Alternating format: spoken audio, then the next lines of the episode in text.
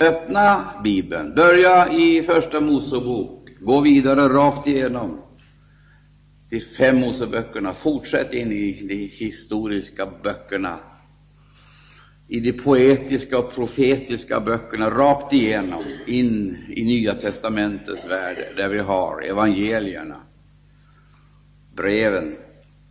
Och slutligen Uppenbarelseboken, så är det en stegande, en stegrande ton som blir allt mäktigare och märkligare och som dessutom träder fram med allt tydligare förebilder och symboler. Den strävar framåt. Så kommer vi fram till Uppenbarelseboken, och det här budskapet blir som ett, det blir som en tidens postludium. Och i ett enormt crescendo så hör vi Anden och bruden säger kom. Och den som hör det säger kom. Du har budskapet ifrån Första Moseboken, från Eden och jorden i tiden, brutit igenom alla gränser. Då är det inte lokalt, regionalt, nationellt, inte ens internationellt och globalt. Då är det universellt. Då gäller det. Då gäller det. Det vill säga, budskapet har nått fram till sitt mål, till sin fullbordan. Vad då? Maranata, du vår Herre, kom. Och utan denna tillkommelse och utan denna undervisning så är vi kompletta idioter. Varför jag säger det? Vi uppträder dåraktigt, vi uppträder själviskt, vi ger rum för vår egoism, vi sluter oss in i vår egen garderob och blir allt mer jag, egocentriska. Men med det här budskapet öppnar sig världarna, vyerna, visionerna, möjligheterna. Ära vare Gud. Det är sant att det är bedrövligt i Jämmerdalen, men det är också sant att han har berett ett hem. Han har gett oss ett hopp, ett levande hopp. Är det sant?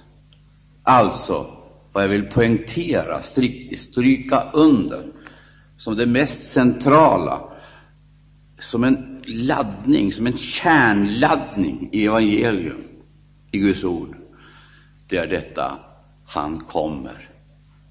Han överlämnar aldrig sin skapelse. Tumulten, turbulenserna ser fruktansvärda ut. Och understundom ser det faktiskt ut som om ondskan skulle ta hem segern. Men det är ett sken. Verkligheten finns i Kristus. Läser du händelserna i de bibliska berättelserna så kan du inte undgå att bli gripen. Det är en omöjlighet, du måste bli gripen. Dels med avseende på språkvalet, dels med avseende på sättet att presentera det hela. Det är nästan oerhört att se hur Gud går ned oupphörligt och ger ständigt nya garantier om frälsning åt dem som tror på honom. Och det finns inga gränser för hans beredvillighet att gå sitt folk till mötes. När han talar, så talar han i, i tankemodeller så att man kan konstatera att inte ens den fåkunnige, icke ens den fåkunnige står utanför, utan kan tillägna sig det. Och han proklamerar med tydlighet att om man överhuvudtaget ska bli en Gudsrikets medborgare, då måste man bli som ett barn. Då måste man födas på nytt. Icke genom förgängliga ord, icke genom mans sed och vilja, utan genom Guds eget ord. Han åtar sig att lösa mänsklighetens förfärliga problem på sitt sätt. Och hans erbjudande, det är inte ett nytt politiskt parti eller en ny sociologisk idé eller ett nytt kulturinslag. Det är inte nya filosofier, idéer, inspirationer. Det är inte en ny moral med bättre normer. Nej du, nej du, nej du, det är det inte. Det hör den gamla människan till. Det hör den gamla skapelsen till. Vet vad han gör? Han föder på nytt. Han omyndigförklarade vise, och så frälser han människan inte genom hennes duglighet, hennes intellekt och hennes kapacitet. Han frälser henne genom den dårskap han lät predikas. Vilken dårskap! Korsets dårskap. Är det inte värt att säga ett amen? För genom korsets dårskap så blir det omöjliga möjligt. Ty korset det är ingen dekoration. Korset, det är ingen åminnelse. Korset är Guds kraft, synliggjord, konkretiserad. Korset restes på Golgata, och där dog han. Men Gud lät hans död bli vår död, och så reses korset i våra liv. Så markeras övergången, ingången, jag skulle vilja säga hemgången i sanktioner som är så enorma så vi kan inte förklara dem. Så enorma att vi inte har ord för att formulera böner eller proklamera dem. Kan du tänka dig att dopet, som är så enormt betydelsefullt och viktigt och som hela kyrkan under hela tiden har hasselerat med, detta dop alltså, som är ett rop, ett bönerop, ett ordlöst bönerop från frälsningskandidaten, som i dopet anropar Gud om ett gott samvete. Så oerhört! Så kolossal är denna akt med avseende på betydelse för vår förlossning och frälsning, att vi saknar förutsättningar för att framställa de rätta orden för att det ska bli en verklighet. Men Gud löste det så att han lät vattnet ropa. Vi kunde inte formulera det, men Gud löste det så att vattnet fick ropa ut det verkliga behovet som samvetet representerade. Så i dopet anropar dopkandidaten Gud om ett gott samvete. Och svaret dröjer inte. Det dröjer inte. I samma ögonblick så inträder det som heller inte kan beskrivas. Man dör bort ifrån det gamla och så uppstår man för att leva ett nytt liv i Andens väsen. Det här är ingen inskrivningsceremoni. Tro inte det för ett ögonblick. Det är någonting mycket, mycket mera. Det är invigning, det är överlåtelse. Men vi ska inte stanna, tala mer om det, utan vi ska gå vidare. Att under vandringen, vi vet att dopet det sker en gång i början av vandringen. Och ifrån dopet och till slutet så har vi en vandring framför oss. Vi är vandringsmän, vi är pilgrim. Vi har blivit förenade, sammansvetsade, uppfyllda utav en ny ande, en ny kraft. Stämmer det, så säger jag amen. Då ska vi vandra. Och för att vi inte ska gå under under vandringen så har Gud gett oss vilopauser där vi får slå oss ner vid hans bord, dit han kallar oss för att dela brödet och inet. På samma sätt som dopet är en ordlös bön, en mäktig verkan, så är brödsbrytelsen en ordlös förkunnelse, frälsningsförkunnelse. Med flera dimensioner. Den ser bakåt, den betraktar nuet, men den pekar också framåt. I brödsbrytelsen påminnes vi om Golgata, om Golgata, där han dog. För oss. Men också att detta ena bröd markerar på ett alldeles speciellt sätt att vi har del i en helhet och ett sammanhang där Jesus är centrum. Detta ena bröd, där får vi var och en vår del av. Så bryts brödet, så delaktiggöres vi av hans kropp. Och denna förkunnelse, för det är en förkunnelse, vi förkunnar Herrens död till dess att han kommer. Den är så mäktig, den är så våldsam med avseende på effekt, verkningar och karaktär, så att man kan dra på sig ett ma masselände. Man kan äta sig till sjukdom. Man kan äta sig till död. Därför att under den här högtiden måltiden, där finns det osynliga besökare, intressenter, en ond andevärld som testar, prövar vad vi håller på med och som slår tillbaka med kraft om vi experimenterar men det finns också en god himmelsk andevärld som ser.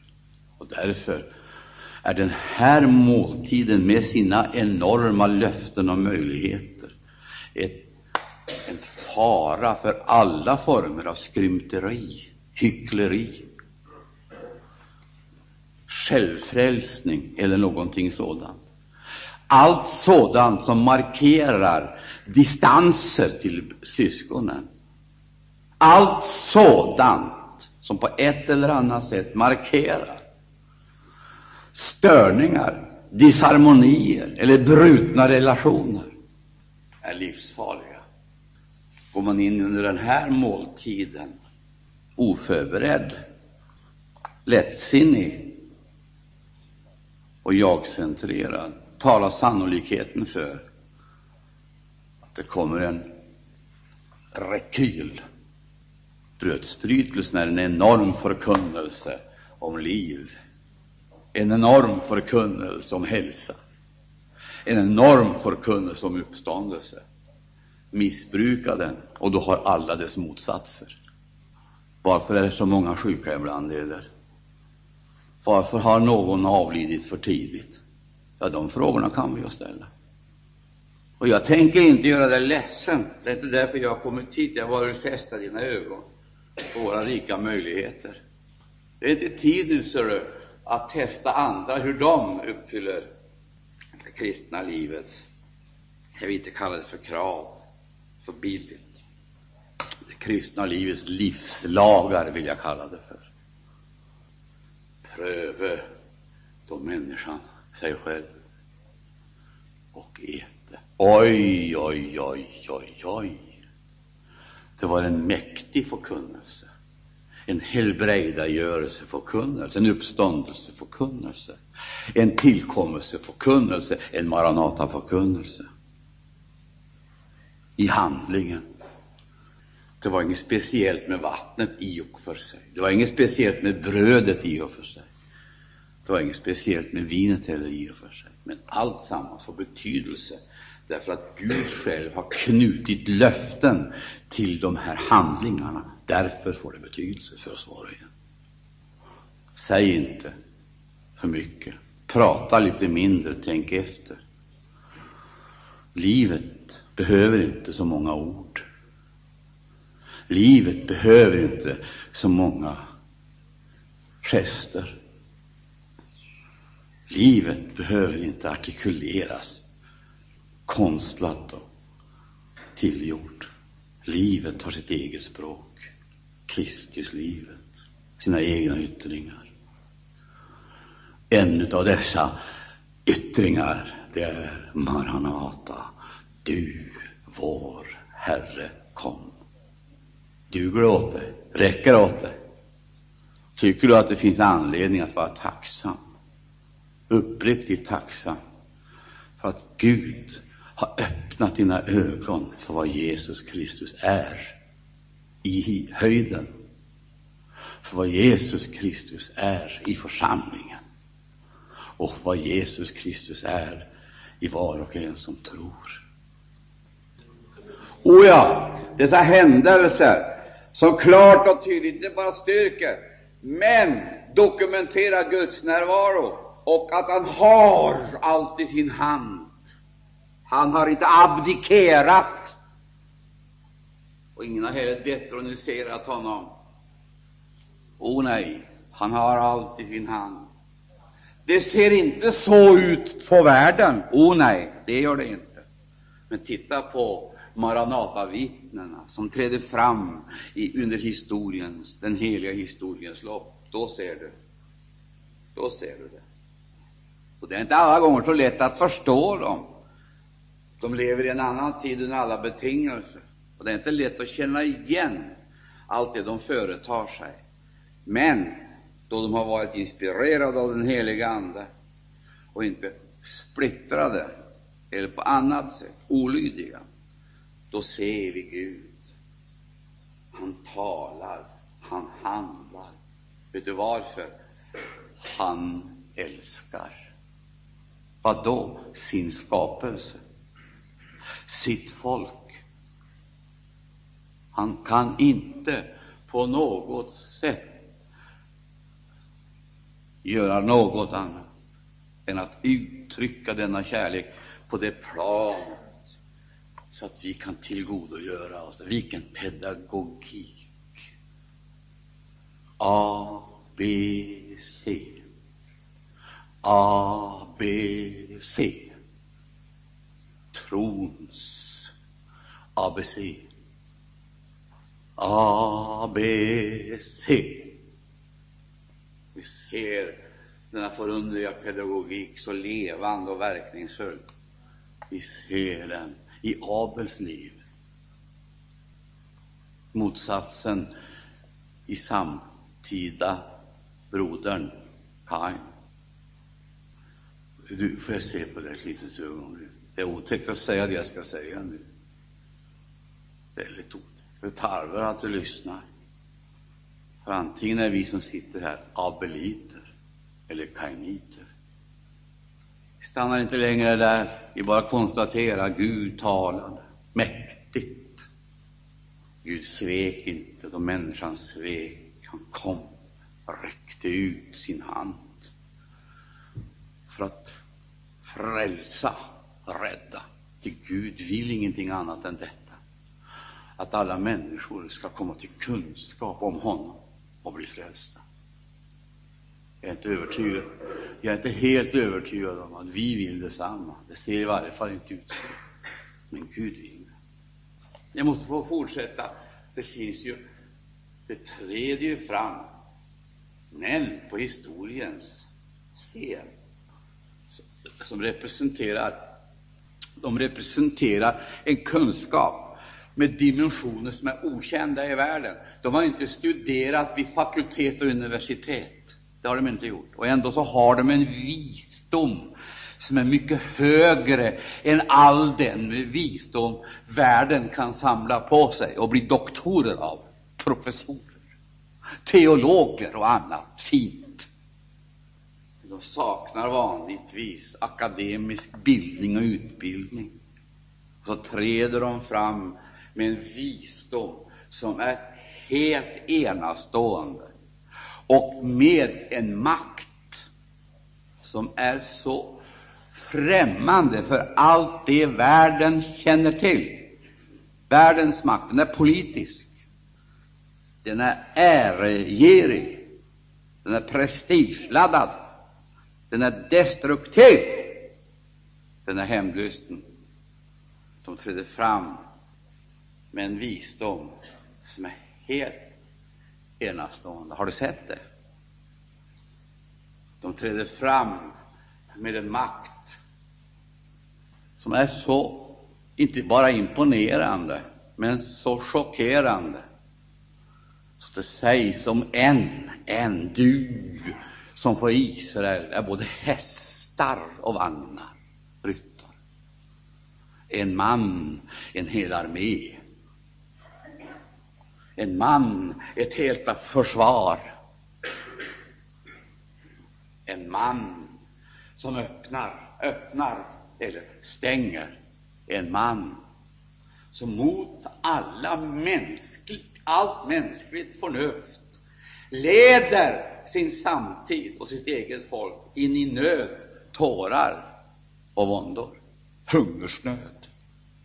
Han proklamerar himlens fönster ska stängas och inget vatten ska falla på dessa marker. Han har nyckeln. Han har lösenordet. Choralama och tavriosor. Lösenord. Och så stänger han, och det blir torrt som aldrig tidigare. Så händer det saker och ting som han styr fram.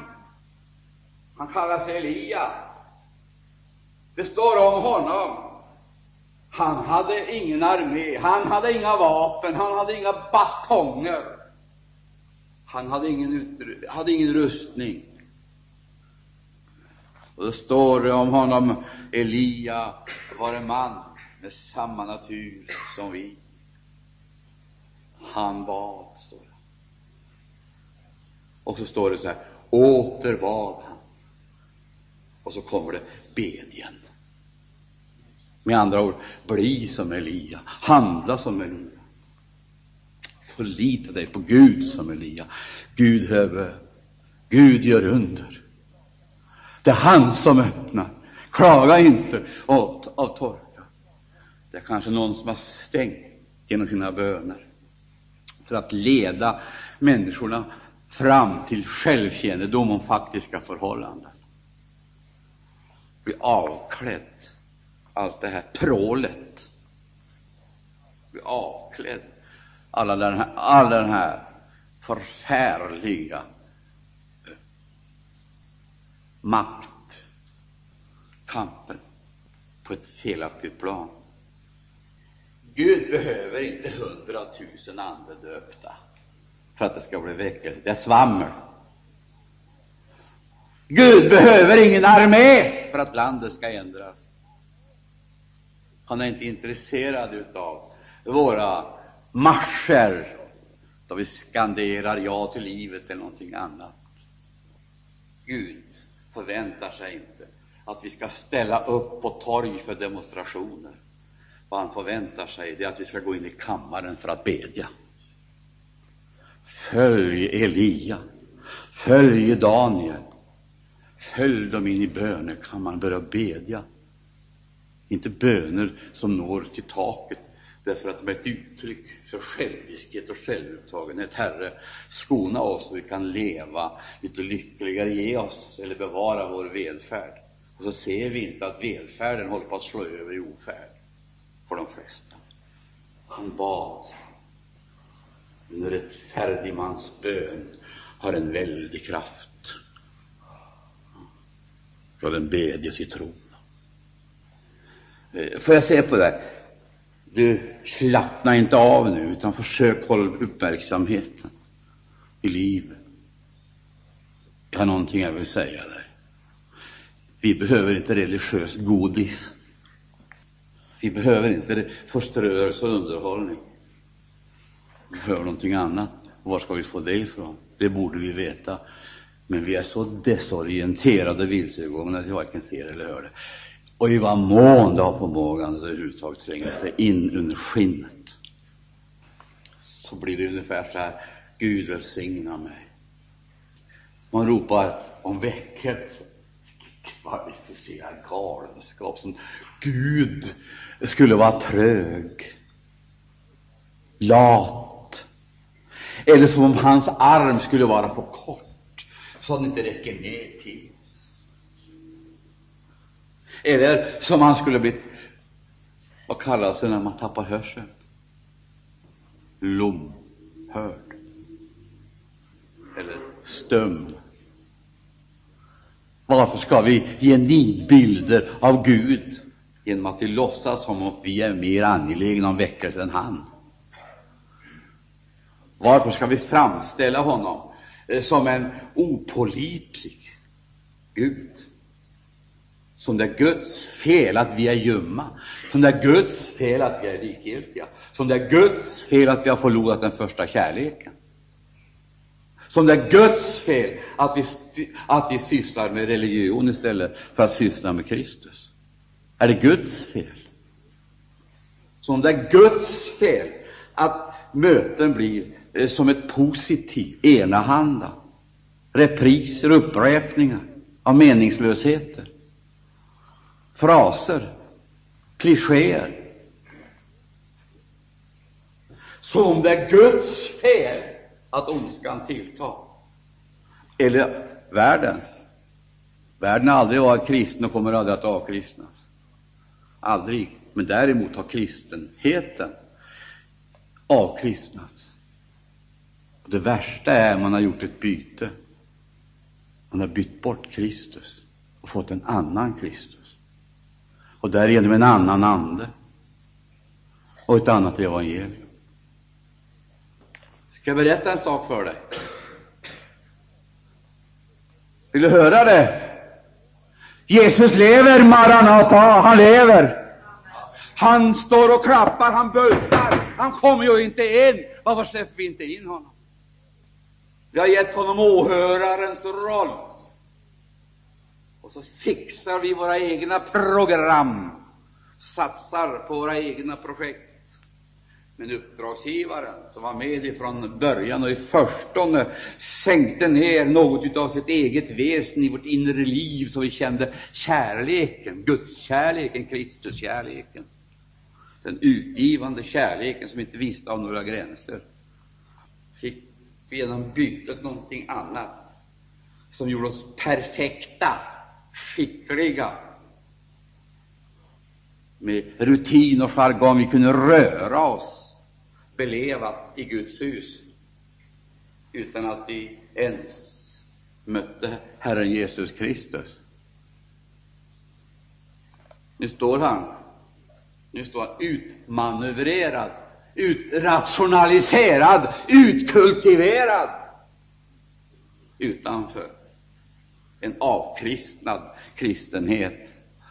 Och vi brukar säga, för det hör ju till kyrkligheten, att man ska vara lagom och inte förarga. Så står han utanför. Och vi säger att han klappar, för det låter ju lite finare att när Jesus kommer, då knackar han försiktigt så att han inte ska störa tillställningen. För den går bra utan honom. Det finns så mycket verksamhet i tid, min älskade vän, så den skulle fortsätta även om Gud dog. Det finns så mycket verksamhet i tid som skulle fortsätta om Jesus Kristus detroniserades. Och vi är inne i den här maskinapparaten, förhäxade och förtrollade, navelskådande och självupptagna, istället för att bli den kanal genom vilka han skulle sända sina livsströmmar. Du!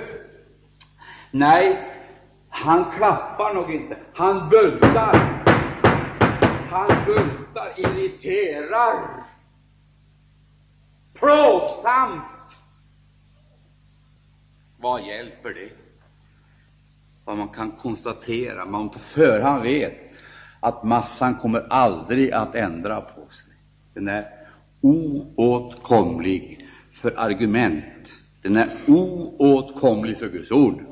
Den är oåtkomlig för Guds ande. Oåtkomlig.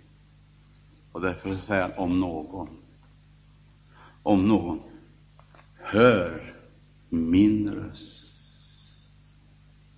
min bland många andra, om någon. Du, skulle jag kunna få se på dig ett litet ögonblick? Inte därför att jag vill vara elak emot dig, men jag måste i alla fall ha rätt att ställa frågan till dig. Har du i ditt hjärta och sinne hört hans röst? Har du tagit konsekvenserna av det? För att har man hört Guds röst, då är man förändrad från den stunden. Idag, om ni får höra min röst, må ni förhärda er, hör du, förhärdelsens protester. Den kan vara passiv, kanske mycket vidrigare, eller aktiv, lättare att avslöja. Dag. om vi får höra min röst, om någon får höra min röst. Hör här, då ska jag gå in till honom, inte på en söndagsvisit, kaffepaus, en trivselkväll. Jag ska gå in till honom, gå in, stanna kvar där och hålla måltid. Gemenskap, syskongemenskap, familjegemenskap, livsgemenskap. Vad bär du med dig? Vilket bord sitter du vid? Vem är det som sitter på hjärtats tron, styr, leder i ditt liv och i församlingens? Är det någon? Är det någon som är knäckt, tillintetgjord, förkrossad? Därför att i den här förfärliga hyllningskören till alla mänskliga bedrifter, människoförgudningen och så vidare, så hörs det en ton som är så annorlunda och genomträngande. Det är hans röst. Den är så provocerande, uppfordrande, på grund av sin kärlek. Han lider mera än han led på Golgata när han upptäcker att hans folk återigen korsfästar sin Herre. De korsfäster sin Herre. Han är inte lämplig i alla sammanhang. Han bör hållas utanför. Man korsfäster honom. I familjelivet, i församlingslivet, i affärslivet så ersätter man den här innerliga gemenskapen med honom med eh, gester, rörelser, voluminösa, välkultiverade eller primitiva. Och han gråter. Anden är bedrövad. Om jag visste att det vore tio män i denna stad som förkunnade detta budskap, så skulle bördan vara så mycket mindre, smärtan vara så mycket lindrigare och glädjen så mycket större. Du, visst har han sänt budbärare. Hur har vi behandlat dem? Visst har hans rop trängt igenom alla andra kast, ljudkaskader nu och då. Hur har vi tagit emot det? Tänk efter. Läs, lär, addera. Kom fram till en slutsats. Och vi behöver inte titta på någon annan. Vi kan ju fråga Herre, vad har jag gjort med din kärleksförklaring? Hur har jag betett mig i det umgänge som skulle vara naturligt för två älskande parter? Jag ska få höra en sak. Och det här säger jag med speciell adress, fast jag inte pekar ut någon. Det här ska säga är helt ohyggligt, men så fruktansvärt sant. Det ena Maranata-vittnet har trätt fram efter det andra. Jag nämnde om Abel. Jag kan fortsätta och berätta om dem. Hanok, Noa, Abraham. Och alla har haft sina kontraster och motsatser. Vem är Abrahams kontrast om inte Lot? Vad hade Lot att göra nere i Sodom? Och varför fick inte Lot besök av Melkisedek? Varför fick han inte besök av Melkisedek? Så han kunde vara med om den första brödsbrytelsen i historien. Han borde ha ställt sin väg, sin gång ner till Sodom, reformatorn. Det gjorde han inte. Och varför var Abraham så ointresserad av den konung som härskade i Sodom, där Lot vistades, så han inte ens tog emot en krona eller någon form av ersättning för de insats, samhällsgagnliga insatser som han hade gjort? Han avvisade honom och han sa, du ska inte förrikta mig.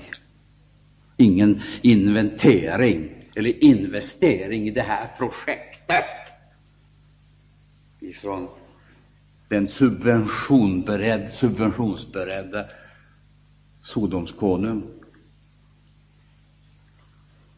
Han borde tagit emot det för att främja sitt arbete. Åh nej! Vad fick han som var mycket mer värt än alla de miljoner som Sodoms konung hade varit redo att ställa upp med? Vad fick han? Han fick bröd, han fick vin, han fick något mera. Han fick försoning. Och så fick han frid av Jerusalems konung.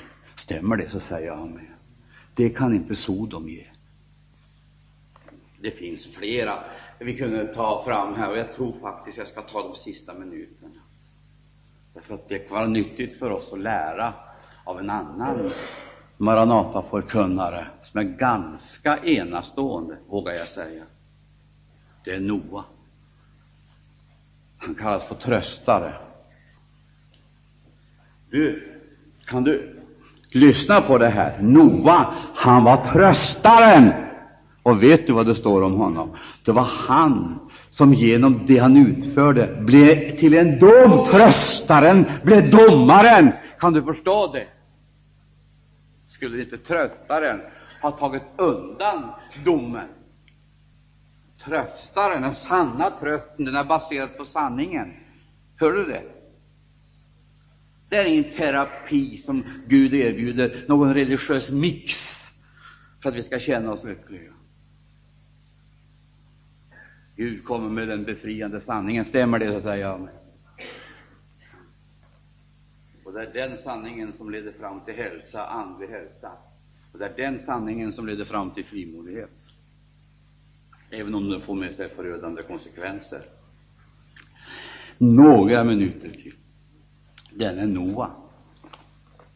Han Man refererar rakt genom hela frälsningshistorien till denne Noa.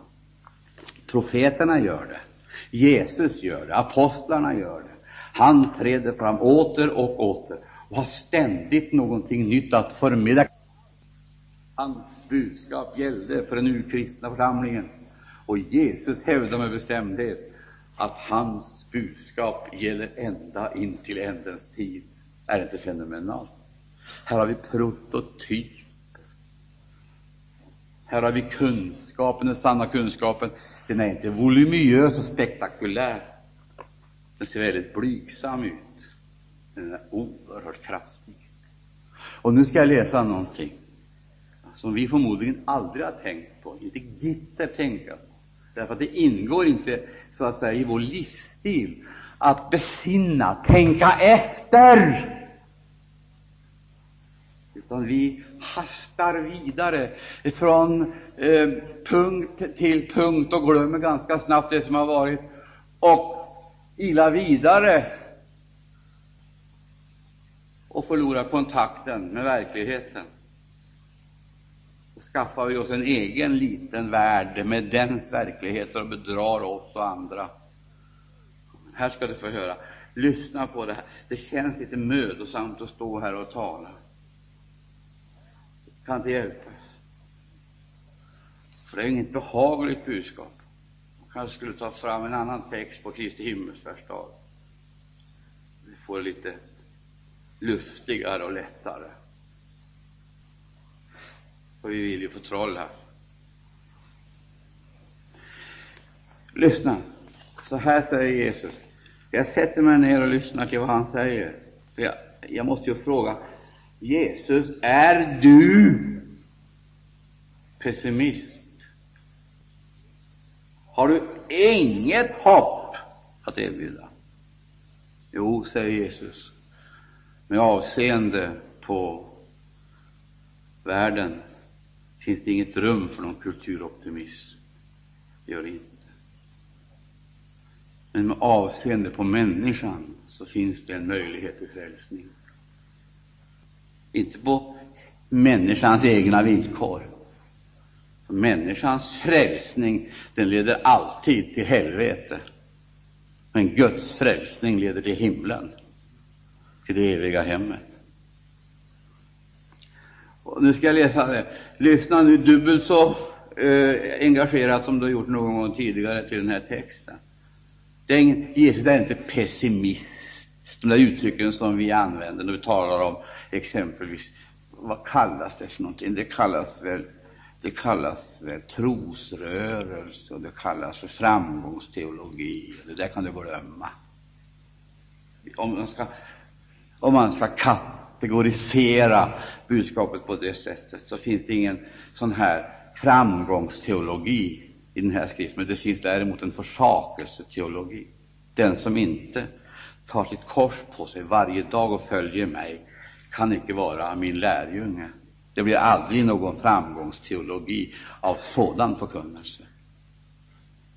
Jesus talar om nödvändigheten av att dö, skiljas ifrån, överlåta sig åt, bli avskild. Han säger den som sätter sin hand till blodet och ser sig tillbaka kan inte vara min lärjunge. Mästare, rabbi, jag vill så gärna följa dig, men jag måste först gå bort och begrava min döde far. Det var väl ett rimligt anspråk. Då säger Jesus, låt de döda begrava sina döda. Kom du och följ mig. Det är inga vanliga metoder Jesus ställer oss inför. Efterföljelsen det är ingen anslutning till en förening. Det är inte att få, det är inte att få en behörighetshandling, röstsedel eller medlemskort. Det är någonting helt annat. Vill du se på mig så ska jag tala om för dig vad det är. Det är en identifikation. En identifikation med honom. I världen lider ni betryck, mina vänner, mina lärjungar. Men frukta icke, jag har övervunnit världen. Icke sin död, han övervann världen i sitt liv. Och nu ska du få ordet som jag tycker på samma gång är så fruktansvärt och så hoppingivande. Eh, det är i Matteus 24 kapitel. Där säger Jesus så här till sina lärjungar.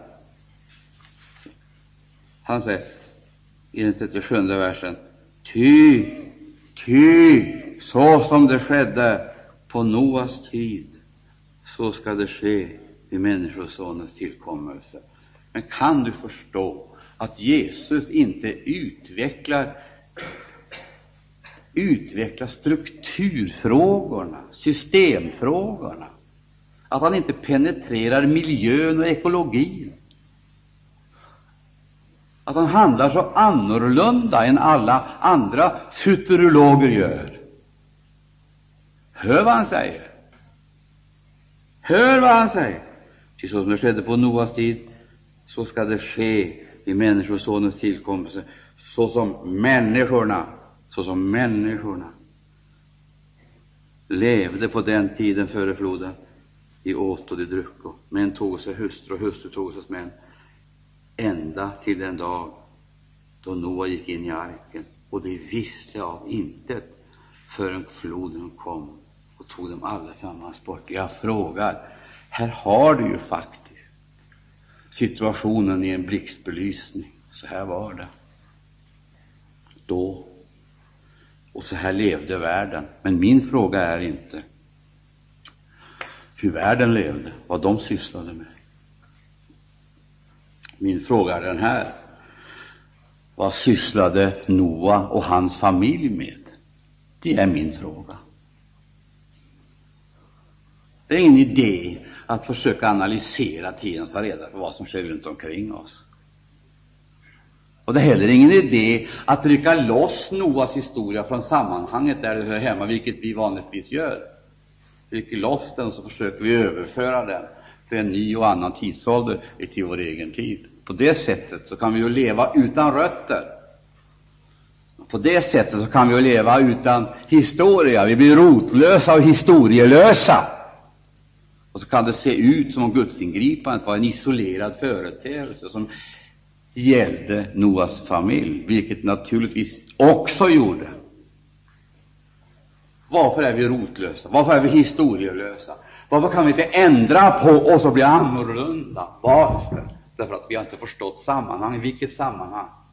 Ska du förstå det här om Noas tid, då måste du studera Noas liv, och du måste göra det i tre tempus. Hur det var före floden, hur det var under floden i arken och hur det var efter floden. Då får du anledning då får du anledning att ta reda på hur var det egentligen med arbetargemenskapen, arbetsgemenskapen? Hur var det med den före floden? Det är ju inte bara Noa det handlar om, det handlar om ett antal personer tillsammans med Noa. Hur skulle de kunna hålla is ihop? Det var inte bara Noas söner, det var ju flera familjer invecklade i det här skeendet. Noas söners föräldrar, syskon. Och sedan så var det faktiskt en hel skara av närstående människor där det fanns relationer, strängar, känsliga strängar. Och vi kan också se utvecklingens gång mot ett allt mer ogudaktigt samhälle, om jag får uttrycka det så.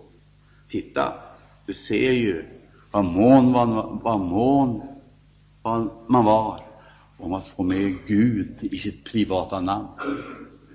El, el, el. De trädde fram på historiens blad med Guds begreppet knutet till sitt namn och därmed till sin personlighet.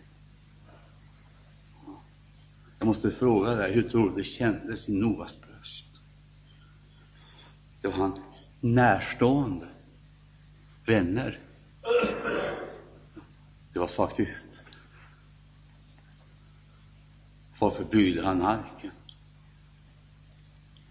Noa skulle kunna tänka, nu måste vi sammankalla till en konferens om framtiden, om miljö och ekologi, om moraliska frågor, folkmoraliska frågor.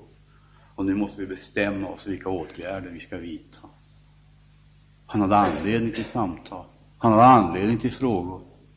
Han hade anledning att uppmana var och en. Ja, visst, det skulle han presentera, inte sitt projekt, men Guds. Då skulle han blivit upptagen med det i sitt sinne, allt vad som sades, motsägelser, relationsproblem. Han hade inte orkat vidare. Noa, tröstaren, blev ensam fastän han hade rötter i det samhälle som var på vägen att gå under. Noa blev ensam fastän han hade närstående som han såg, samtalade med. Släkt och vänner. Noa är ingen robot, ingen automat. Han är man med nerver, med känslor, med frågor. Vad gjorde han? för att hålla ihop familjen. Den var inte stor. Den var inte större än att den kunde räknas på händernas fingrar. Hur ser du på din situation? Pratmakare? Gyckelmakare? Skämtmakare? Hur ser du på din situation? Vad diskuterar du med dina släkt, din släkt och dina vänner? Har de sett någonting som tyder på att det är någonting alldeles förundligt i analkande? Vad är det du hänger dig åt då du talar om religiösa ting eller diskuterar ekumenik, politik och allt annat elände? Allt det som engagerar tar din tid i anspråk, så att du aldrig får tid att göra det du borde göra i from förtröstan. Bygga. Tänk, hör du, om han hade gett rum för skämtet, gycklet och allting annat som är så typiskt för denna förfärligt avfälliga människa, korrumperade människa. Gud skulle ha varit under tiden, under tiden i arken, då det inte fanns ett fönster att titta ut igenom, bara en glugg i taket som man kunde sitta uppåt? Vad är det för visioner du har? Vad är det du ser? Vad används dina armar till, dina händer, dina fötter, din hjärna? Är du en religiös hybrid eller är du en lärjunge? Tiden har gått. Jag borde ha slutat tidigare. Jag fortsätter imorgon, på lördag och söndag. Och jag ska tala om Maranata-budskapet. Lyssnar du på det, så kommer du att vara med om en omvälvning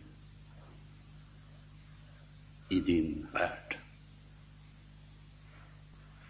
Ta med dig det här hem.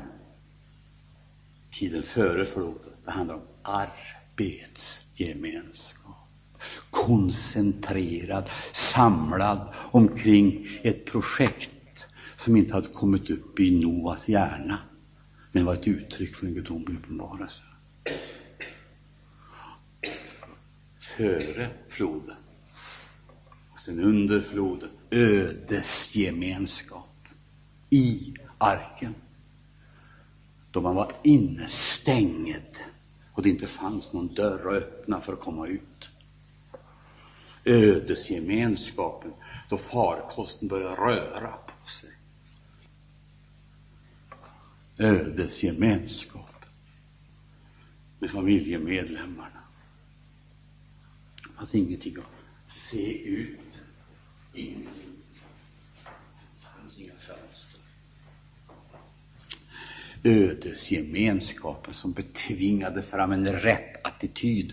De började blicka upp genom fönstergluggen i taket. Vad ser vi? Vad ägnar vi oss åt? Sen så har du uppståndelsegemenskapen på den nya jorden med de nya löftena och möjligheterna som sjabblades bort därigenom att det visade sig att ondskan, den dränktes inte. Den överlevde. Inte i den värld som hade gått under. Den överlevde i de benådade och den fortplantades i nya generationer. Nej, det finns inget hopp. Ingen. Det finns ingen räddning det enda som kan radikalt förändra människans situation. är En ny födelse. Stämmer det? En upplevelse av Guds kraft. Gud, så överlämnar vi oss själva med allt vad vi är och har i dina händer. Och vi beder dig om ynnesten att förstå. Vi beder dig om ynnesten att kunna ta emot. Vi beder dig, kära Herre Jesus Kristus, om sanning, rening. Vi beder dig, kära Herre Jesus, om överlåtelse. Och vi beder dig, kära Herre Jesus Kristus, i ditt välsignade namn, om att få förenas med dig i ditt lidande. Förenas med dig i din uppståndelse. Ja, att nå fram till uppståndelsen från de döda.